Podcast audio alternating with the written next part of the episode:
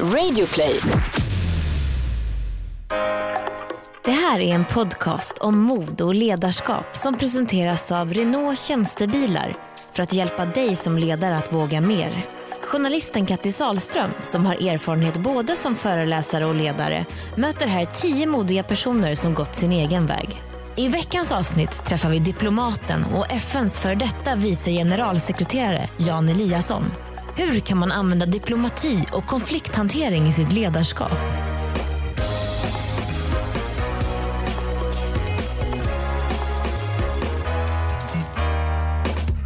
Välkommen hit Jan Eliasson. Tack. Det är ju högtidligt att ha dig här.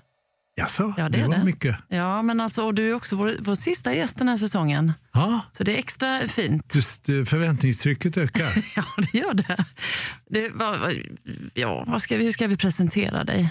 Diplomat, FNs generalförsamling, du har varit eh, vice i, eh, i- för eh, Generalsekreterare. generalsekreterare, FN och diplomati och förhandling är väl dina bästa grenar? Mm, ja, i varje fall de jag gillar mest. Det är det du tycker är roligast? Ja. Jag tänkte faktiskt börja med att fråga dig, om du träffade mig nu för första gången. Alltså jag är en av många som medarbetare och du är chef. Ja. Och jag är otroligt upprörd över olika saker. Mm. Arg. Mm. Och nu är jag inne här i rummet och du sätter dig mitt emot mig. Hur Ja. tänker du då? Ja, då tänker jag, nu måste man ju eh, lugna tempot här Mm. och eh, sätta sig ner, ta en kopp kaffe och prata lite runt hennes situation eller hans situation. Vad gjorde de i morse? Vad är det som gjort att du är så arg? Och sen eh, bena upp det där i små delar och eh, sen eh, lyssna framförallt. Ingen slump att Gud gav oss två öron och bara en mun. Och sen eh, kanske ge små, nu med åren, farbrorliga råd. På slutet. Skicka Ja, med några ja, råd. Ja, just det. Precis. Något hopp, hopp, hopp och eh, handlingskraft och lust måste man inge. För eh, du är ju då expert på att träffa alla möjliga slags människor och försöka nå fram till dem. Det, är, väl en, det är ju det som är diplomati kan man säga, och också förhandling. Mm. Och då tänker jag i sådana här poddar, vi pratar mycket om ledarskap, så är det ju så många som är rädda för konflikter. Mm. Många är rädda för de här som vi kallar för svåra samtal. Mm. Och det är ju då det du tycker är roligast. Och vad kan man säga då? Vad jag funderar på när du sätter dig mitt emot någon som du ska ha ett svårt samtal med. Vad tar du med dig in i rummet då? Ja, jag tycker ju att det är en lustbetonad eh, handling och process att eh, släppa spänningar och eh, att inte, springa, att inte undvika konflikten. Jag tror att ja, min erfarenhet både i det personliga och privata och professionella livet det är att, eh, att se problemen i vitögat och ta dem rakt upp och ner så att säga och lösa upp det i dess beståndsdelar och tillsammans med den andra parten finna en lösning. Det leder ju till en nästan euforisk känsla efteråt. Medan de som väljer att skjuta saker och ting framför sig och undvika problem de samlar på sig bara en infektion som kan växa och bli väldigt farlig. Så att min allmänna regel är att alltid tänka i termer av prevention. Och mitt nya favorituttryck för att tänka i prevention är att lyssna till vibrationer. De små vibrationerna som finns när saker och ting kan gå snett. Gå in och lös dem då. Att man får känna av att Ja. nu är det vibrationer i Men luften. framförallt att det är lustbetonat att ta sig an ett problem. Det kan vara obehagligt första, det, det, när man nämner och tar upp det. Oj, ska det här komma upp? Men sen efteråt, om man då lyckas förlösa krafter både hos sig själv och hos den andra, så är det ju en underbar känsla. Men när man jobbar internationellt som du har gjort och med ledare och med diktatorer och alla möjliga så kan det vara väldigt farliga frågor att ta upp. Tänker. Man kan väl inte ta upp och prata om allt? Alla elefanter kan väl inte... Nej, det, det kan på. gå snett ibland. Om man, eh, ja, man ska alltid tillåta sig en uppvärmningsfas. Eh, Och någon gång så har jag väl misslyckats med det av olika anledningar. Då, då tappar man nästan kontrollen om det en väldigt viktig stor fråga kommer upp för tidigt. Överhuvudtaget ska man akta sig för att eh, ta upp frågor för både för tidigt och för sent. Konsten att eh, välja timing är oerhört viktig. När vet du det? När det Ja. är liksom nu slår jag till, nu tar jag upp det. Ja, ja, man ska faktiskt analysera det i förväg. Om du har ett förslag som är väldigt bra, då ska du verkligen lägga ner stor möda på när ska jag plantera detta, när ska jag placera detta? Behöver jag någon allierad som ska förstärka mig och säga att det här är en fantastisk idé? Eh, och jag ska dessutom tänka igenom hur, när jag lägger fram det här förslaget, både den andra parten inser att det är den rätta saken att göra, the right thing to do, men också, vilket är oerhört viktigt, att det ligger i vederbörandes eget intresse att man får en lösning. Det upplysta egenintresset. Mm. Det att få kombinationen rätt sak, moraliskt, etiskt, sakligt och egenintresse, då kan det gå bra. Men skulle du säga Jan att det spelar stor roll om du säger den här uppvärmningsfasen om man träffar en människa och i synnerhet om det är ett svårt ämne, svårt samtal som man ska göra. Är det viktigt att den här personen känner sig bekräftad? Att du... Ja, absolut. absolut. Och, och vad gör du då till exempel? Har du något exempel från någon världsledare du har träffat där du har bekräftat hen? Nej, men jag tycker att man ska göra mycket eh, hemarbete, homework, på att uh, sätta sig in i den andra personens, partens situation. Jag läser ofta in eh, personliga CV och varifrån de kommer och vilken bakgrund de har, familjesituation, byn de bor i, religion de tillhör, mm. klan de tillhör, etnisk tillhörighet och så vidare. Allt det där har jag i huvudet och eh, anknyter ofta till det. Och Då känner de sig bekräftade och känner att man har lagt ner viss möda på att eh, det här ska gå bra och skapat början till förtroende. Man kan aldrig få igenom ett förslag om man inte skapar förtroende. Och by, väldigt mycket bygger nu på att skapa det här förtroendet i dagens värld. Vi lever i en värld av vad jag kallar trust deficit, en brist på tilltro till mm. auktoriteter, till ledning, till politiska partier och så vidare. Nu är. Och då måste man i sådana här situationer, om man sitter och ska lösa en konkret fråga, se till att den andra parten får ett växande, växande tillit. Nej, men jag har ju suttit i situationer där jag har gjort ovanliga saker. Jag tillåter mig själv att ta ut svängarna ibland och det är rätt roligt.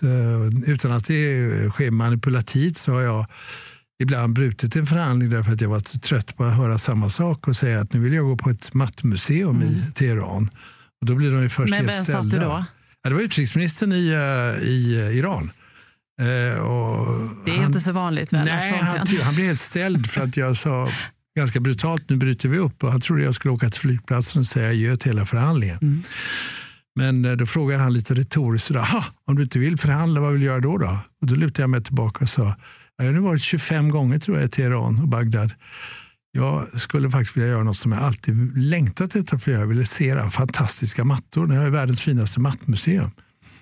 Och de blev helt ställda först, men sen fick jag ju med mig tre, tre ur delegationen och de, de, efteråt betraktade de mig som en stor vän. Ja, det är fantastiskt som hade visat smart. respekt för deras föräldrar, mor och farföräldrar som var ett barnarbetare i men, byarna och knutit mattor. Men eh, kunde du se att det hjälpte sen? Absolut, på kvällen hade löst sig. Det löste sig. Det var en, en, en, helt annan stämning.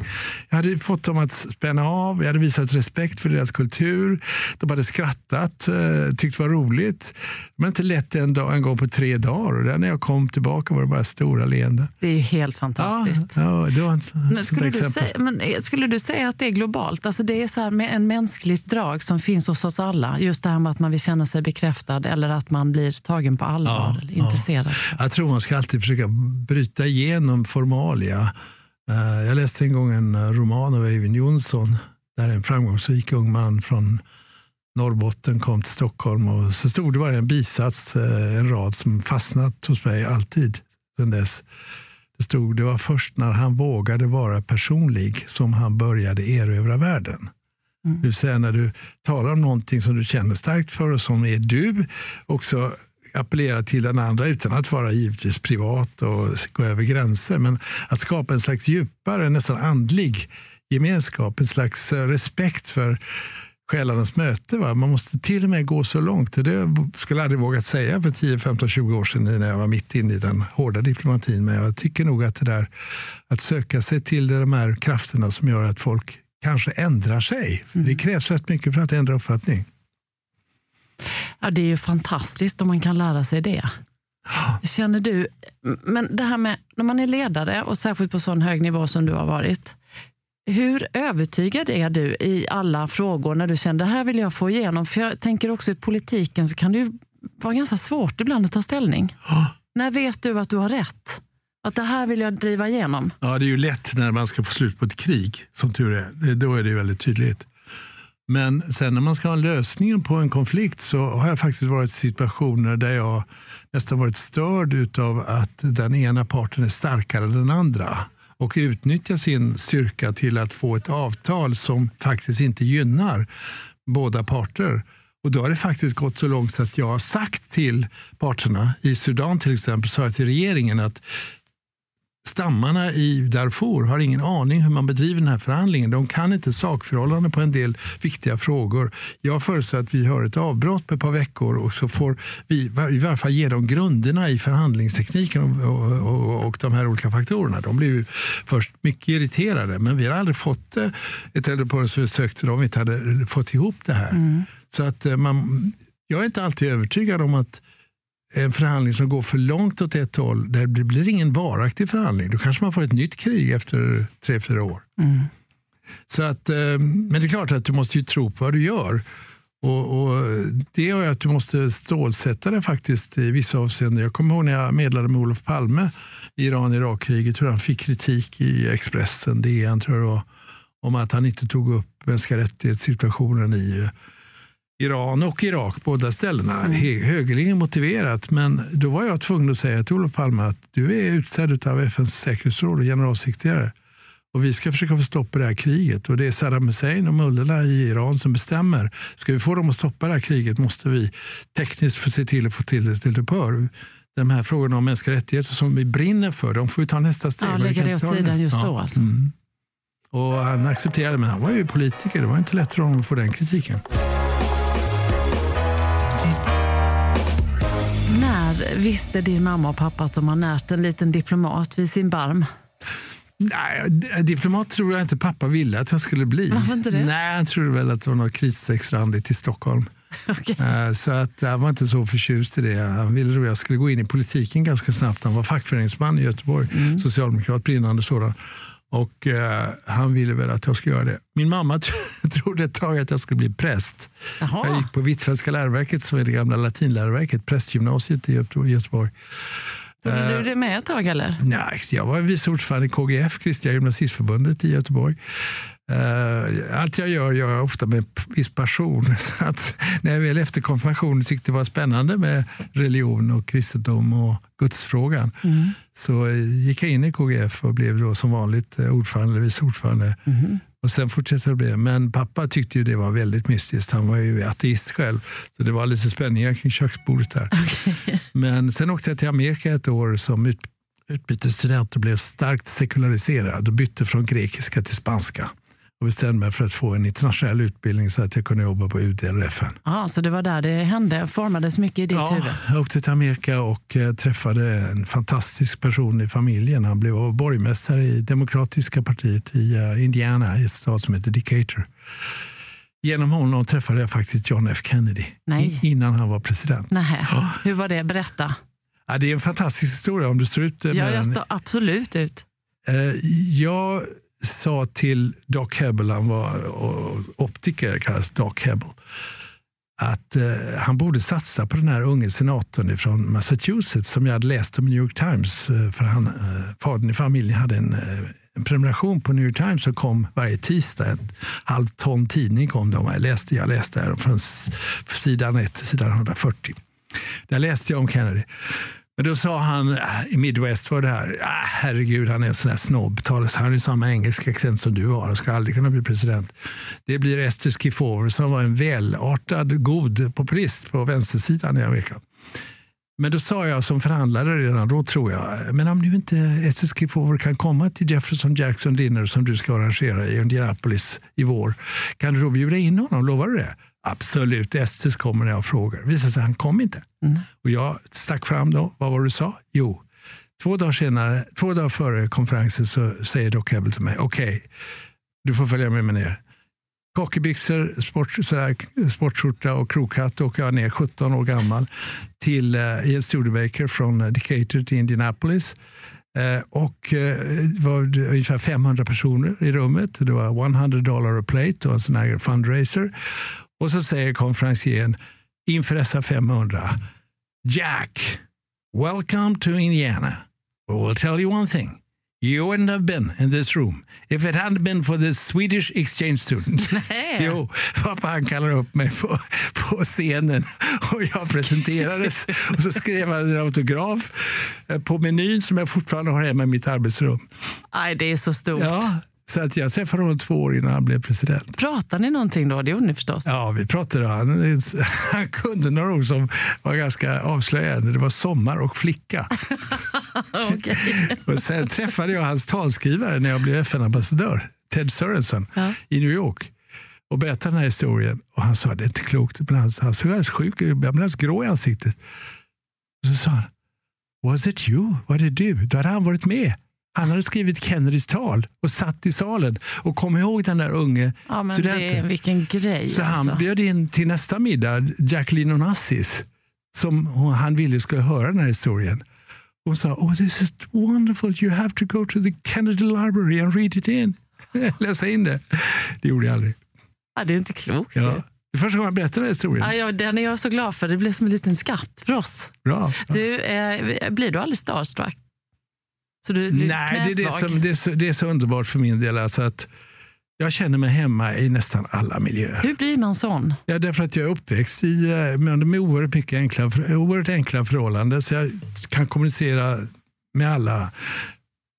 Som jag ser på gatan och som är i vakten på UD eller städar i rum, mitt rum på Mm. UD. Är.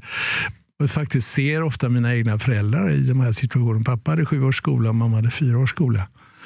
Eh, men sen var det att jag kom in på det här elitläroverket i Göteborg, Hvitfeldtska. Jag var bra i fotboll, jag var bra i handboll, jag blev lagkapten på allting. Och, och där var ju det miljöer som ju var helt annorlunda. Alltså det var ju eh, den ledande klassen så att säga som var i skolorna. Det var inte många från mina kvarter som gick i läroverk. Och där här fick jag flickvän eh, i de fina kvarteren och eh, blev inbjuden till olika saker och kände mig totalt hemma.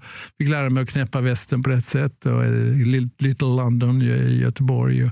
Sen gick jag till Sjökrigsskolan. Jag ville få frisk luft och, och i, i, i havet till havs. Och i tre år var jag i flottan.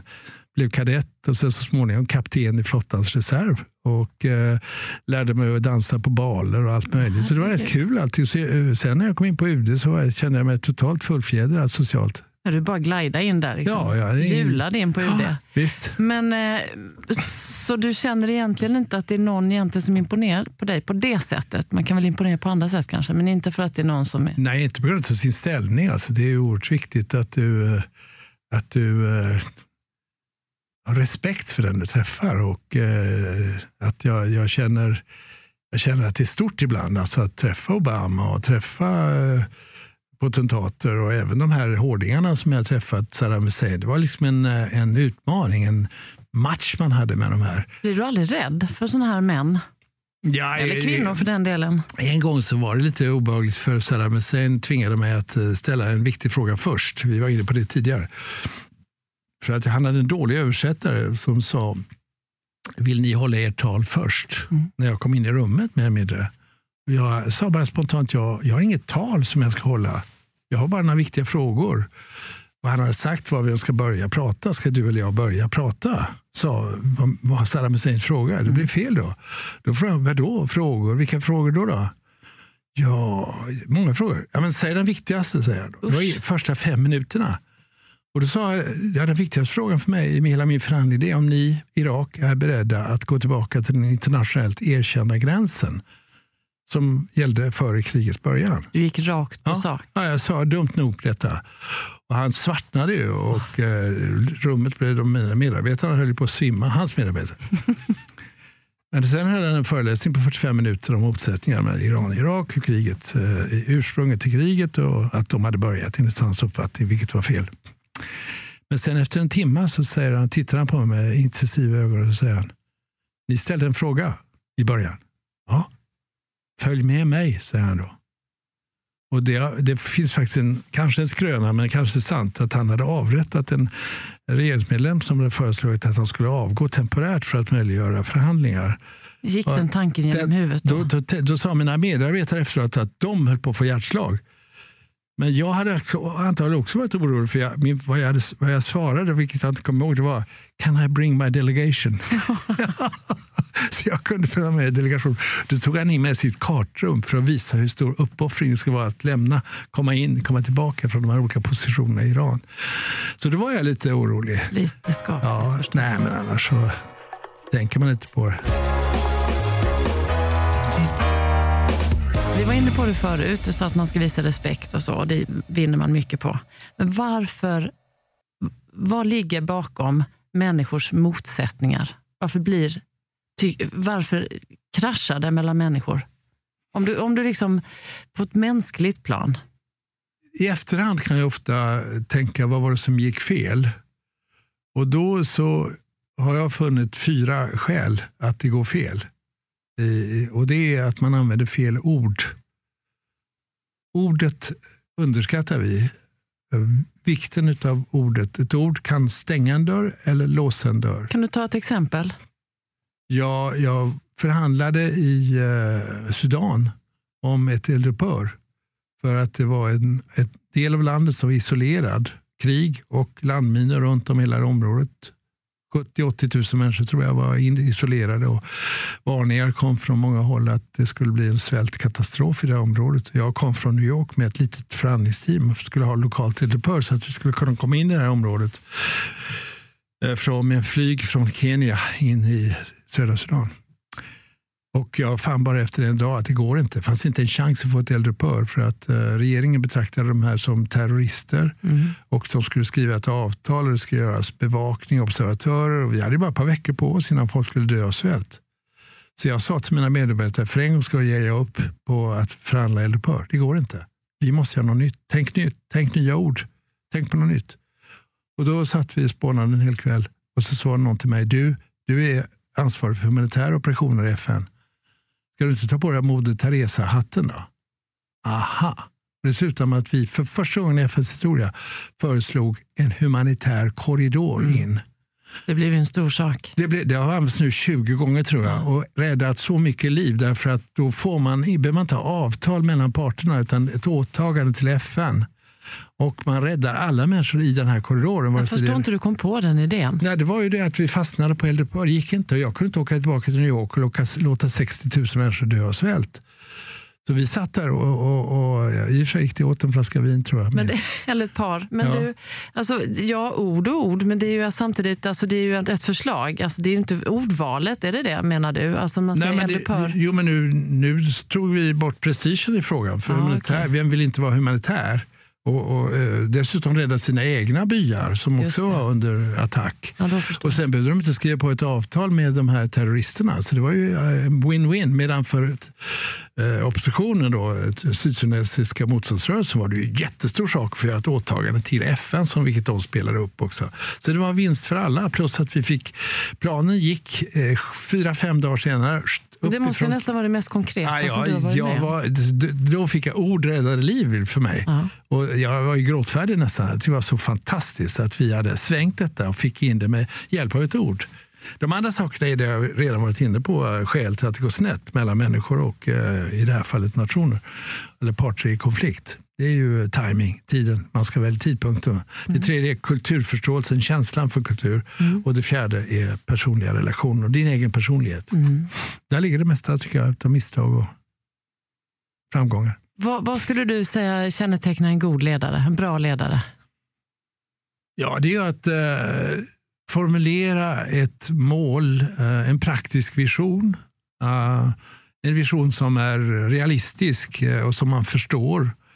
Och sen peka på delmålen, alltså vägen, stegen dit. Hammarskjöld har ett vägmärke i sin bok som kom ut efter hans död. Där han säger att framtiden är två ting. Det är horisonten och det är stegen dit. Eller visionen och stegen dit. Mm. Och Man ska leva både med visionen, annars vet man inte vilken riktning man ska gå. Men man ska också förstå att det är en herrans massa jobb. Mm. Idag, imorgon, övermorgon.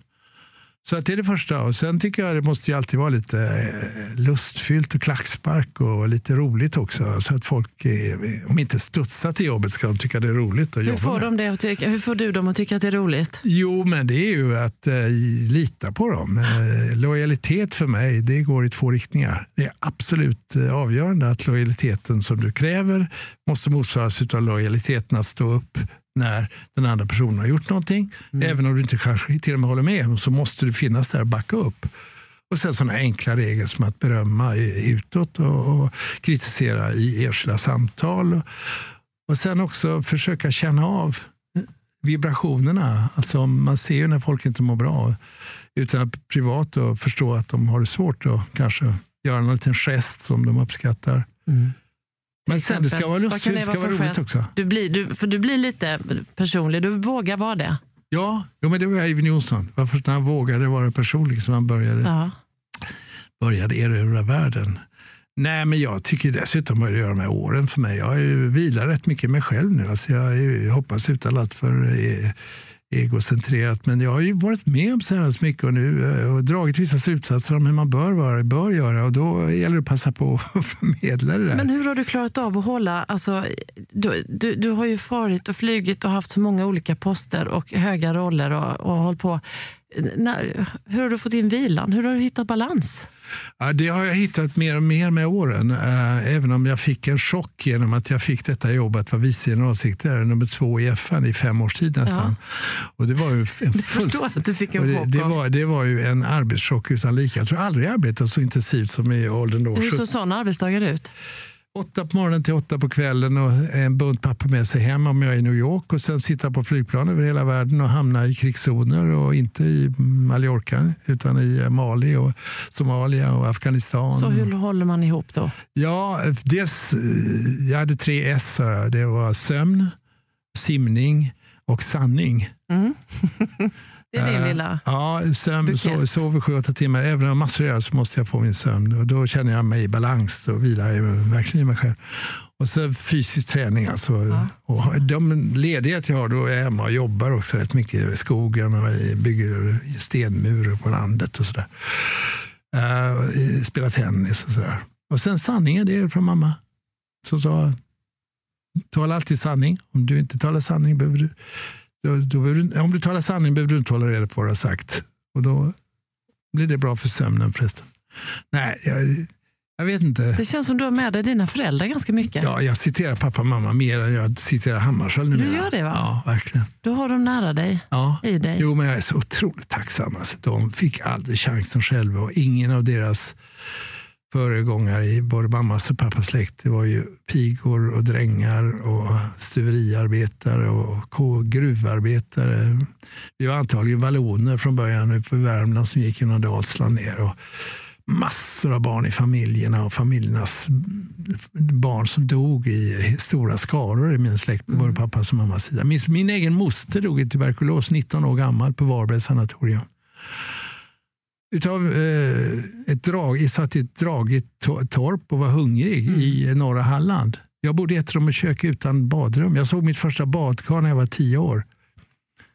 Så att eh, jag känner en enorm tacksamhet över att jag fick chansen. Men också att de känns som att de har varit väldigt kärleksfulla. Ja, enormt. enormt, enormt. Är, folk börjar betyda, du som växte upp i, praktiskt på jordgolv, herregud, jag bara ser framför mig en lycklig barndom. Alltså en mamma som var oerhört kärleksfull. Och När jag kom hem från skolan skulle hon alltid se till att jag skulle byta strumpor och sätta på mig några torra strumpor och så ska jag dricka choklad. En varm choklad, en smörgås. Mm. Och, och sådär, tusen gester. Och pappa lite sträng men ändå otroligt integer och stär, sträng och integer. Och oerhört stolt över oss, min bror och jag, och Mm. utan att visa det för mycket. Mhm, ni sådär, det går väl ganska bra det. Stort. A, räcker inte det? Så? Ganska bra, ja.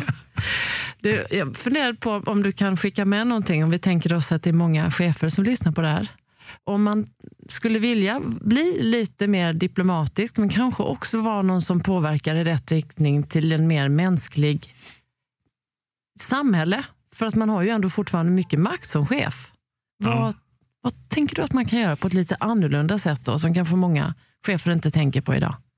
Alltså jag tror att man ska visa mycket större respekt för tänkandet från eh, verkstadsgolvet så att säga, från olika nivåer. Man ska stoppa hierarkiska tänkandet. Man ska samla människor från olika nivåer eh, i en fråga som berör låt säga, ett företag eller en organisation. Och Sen ska man släppa på prestigen och öppna för brainstorming så att idéerna som växer fram växer fram på, från alla nivåer. Och Vad som händer då är att alla får ett medansvar i slutprodukten. Ja, jag var ju med vid de diskussionerna. Mm. Så jag, jag, tycker man ska mer och mer, till exempel med unga människor, tycker jag är otroligt viktigt att man ska inte bara arbeta för unga, utan man ska arbeta med unga. De ska vara med och diskutera jobb och utbildning och entreprenörskap och förmedla sina drömmar. Så att mer och mer agera, alltså interaktivt medagerande tror jag. Mm. Men sen måste man ju som ledare också visa att du är en ledare. Det innebär att du ska ta till dig, lyssna och kunna syntes, göra syntesen, formulera den på ett starkt levande sätt och göra det som vi talade om tidigare, sätta visionen, den praktiska visionen och vägen dit. Och sen göra arbetsfördelning med, med dem och att det som ett team ska träffas regelbundet för att se hur har vi nu klarat det här. Mm. Ja, det är ganska eh, enkla ting kanske. Men, det är inte eh, alls tror jag. Det låter enkelt men jag tror inte det är så enkelt. Nej, sen tycker jag också en annan sak som jag märker är väldigt fin. Det är ju att när jag arbetar nu med FNs utvecklingsmål. Jag var med och förhandlade de här 17 Sustainable Development Goals under min tid i FN. Det är ju hur de vuxit fram och växt i betydelse också i eh, näringslivet, i organisationer. Att de vill ha hållbarhet i sin verksamhet. Mm. Transporter, eh, energi, bostäder, städer. Eh, alla de här sektorerna som här målen omfattar. Så nu får jag eh, frågor som jag själv men också tillsammans med mina barn. Vi har skapat en, något som heter Eliasson Group. Om hur ska vi bära oss åt för att genomföra de här målen. Det vill säga företagen och ledningen i företag tror jag nu mer och mer måste vara förankrade i den verklighet som finns utanför företaget. Mm. Och att det blir mer och mer en strategisk tillgång att ha en bra världsbild och se hur företagets verksamhet passar in både i nationen och i Europa och i världen. Mm. Och Det ger också medarbetarna ett lyft. Unga människor som gärna vill leva i den stora världen, de ser att herregud, det jag är här nu över detta företag, det går utanför företagets vinstlinje. Det är att faktiskt skapa bra villkor, rena produkter, hälsa för de här som arbetar och mänskliga rättigheter för de som arbetar och så vidare. Va? Tror du att det blir ett, ett sätt i förlängningen att värna demokratin ja, som du pratar om att vi absolut, måste Och också marknadsekonomin. För att tilltron till demokratin och marknadsekonomin måste vi vårda. Vi måste vårda, värna och vitalisera demokratin. Och då måste vi visa att det är ett system man tror på. Mm. Och det är inte så idag. Mätningar visar att politiska partier till exempel har mycket, mycket låga förtroendesiffror. Mm. Ska, ska ha förtroende för att leta efter Skatteverket och kyrkan tror jag i mm. Sverige. Eller Leif GW Persson. ja, just det. Just det. Nej, det, jag tror det är viktigt att, att uh, man ser sin egen verksamhet i ett större perspektiv. Vem man än är, höll jag på att säga. Tror du också att det då kan motverka det som du var inne på förut, missnöjet och eh, någon slags känsla av att inte höra till och ett allmänt lite ogreppbart missnöje hos människor? Om man får den tillhörigheten på en arbetsplats. Ja, jag tror det. Jag tror, jag tror vi har ganska bråttom nu för att eh, de här vibrationerna som jag talar om, de är ganska oroande. Och då gäller det verkligen att man öka tilltron och att vi litar på de som, vi led, ska, de som ska leda Men verksamheten. Man, man kanske ska ta sig, sin roll som ledare på ännu mer allvar helt enkelt. Absolut. Och se att man har mycket som man skulle kunna förändra. Ja. Men Genom... samtidigt ska ledaren förstå att han eller hon behöver inte vara ensam. Det är underbart att ha teamkänslan som jag har med mig från barnsben. Framförallt genom att jag spelade fotboll och handboll. Jag, jag är bättre på lagsporter eh, de ska passa och för rätt många än mm. till exempel ska aldrig kunna spela golf bra. Då är man ju ensam där. Men, och sen också flottan, där jag mm. lärde mig när man kom in i hamn i Göteborg, och Karlskrona och Berga utanför Stockholm i storm, efter storm i februari månad. Där. Och så, den man tackar är ju killen i det fallet i maskinrummet som mm. såg till att bistångarna gick där när vi kom in mm. i hamn. Så att lagkänslan gör att du Ja, vid min ålder, jag mår väldigt bra. Jag, det beror på att jag kunnat låta andra människor också jobba och, och de ska känna förtroende och därmed avlasta mig. Mm. Det ser ut som att du mår bra. Du ser alltid så glad ut. Får jag fråga dig, blir du aldrig, eh, kliar det aldrig i fingrarna? Nu är du hemma ju. Alltså jag tänker mig att du kanske blir uttråkad av att klippa gräset. Och, jag förstås gör du massa andra saker, men är det inte så, blir du aldrig rastlös och känner att... Jo, men jag har inte kommit till det stadiet ännu. Min fru säger att jag verkar som jag nu har gått ner till fulltid. Så att, eh, det, jag är ordförande i Stockholm International Peace Research Institute ja, där vi jobbar med Nordkorea och. Iran. Det är en del jobb. det är inte så mycket jobb som du var med. Nej, nej, men jag har också Eliasson Group som jobbar med eh, migration och flyktingar och integration och med FNs utvecklingsmål och demokratifrågor. Och sen har jag ju en stenmur som är evig på mm. Gotland som jag lägger. Uh, nej, men jag tycker jag ska jobba så länge jag vill, men kanske någon gång borde jag skriva. Jag har haft uh, bokkontrakt liggande osignerade. Det är väl dags ändå? Ja, va? jag tror får göra det. det. Det känns som att ja, det känns ja. som en naturlig jo. väg. Jag har hittat en form som är bra. Jag orkar inte gå igenom alla arkiv. Nej, det är jobbigt. Du vet själv. Ja, ska någon annan göra det åt dig? Nej, nej, jag vill göra själv. Jag skriver. Jag vill skriva. Jag gillar ja, att skriva. Jag gillar ordet. Det talade skrivna ordet. Ja, det märks. Eh, eh vi, vi, vi är i samma bransch ju. Ja, du och jag. Ja. Oh. Inte riktigt. No. Men du, jag är så tacksam att du kom hit. Många, ja, jag tycker det var roligt att prata med dig. Eh, och, eh, ja, lycka till med allt. Men jag blir ändå spänd att se vad det kommer bli framöver. Du blir ju någonting igen där borta. nej, du, nej, De nej. behöver dig. Säkerhetskontrollerna på flygplatsen har gjort mig vansinnig. Släpper inte igen dig längre. Nej. Nej, men jag tror att jag stannar hemma. Men de känner igen dig? Där. Jag ska få ett hund. Ja. Jag ska få ett hund. Jag har en hundvalp som heter Leo. Ja, en gul så. labrador. Ja. Han ska ju leva 12 till 14 år. Ja, det är ju det. Ja, och det gäller att jag finns i närheten. Ja, det är bra. Tack så hemskt mycket, Jan Eliasson. Tack själv. Du har lyssnat på Mod, framtidens ledarskap som presenteras av Renault Tjänstebilar.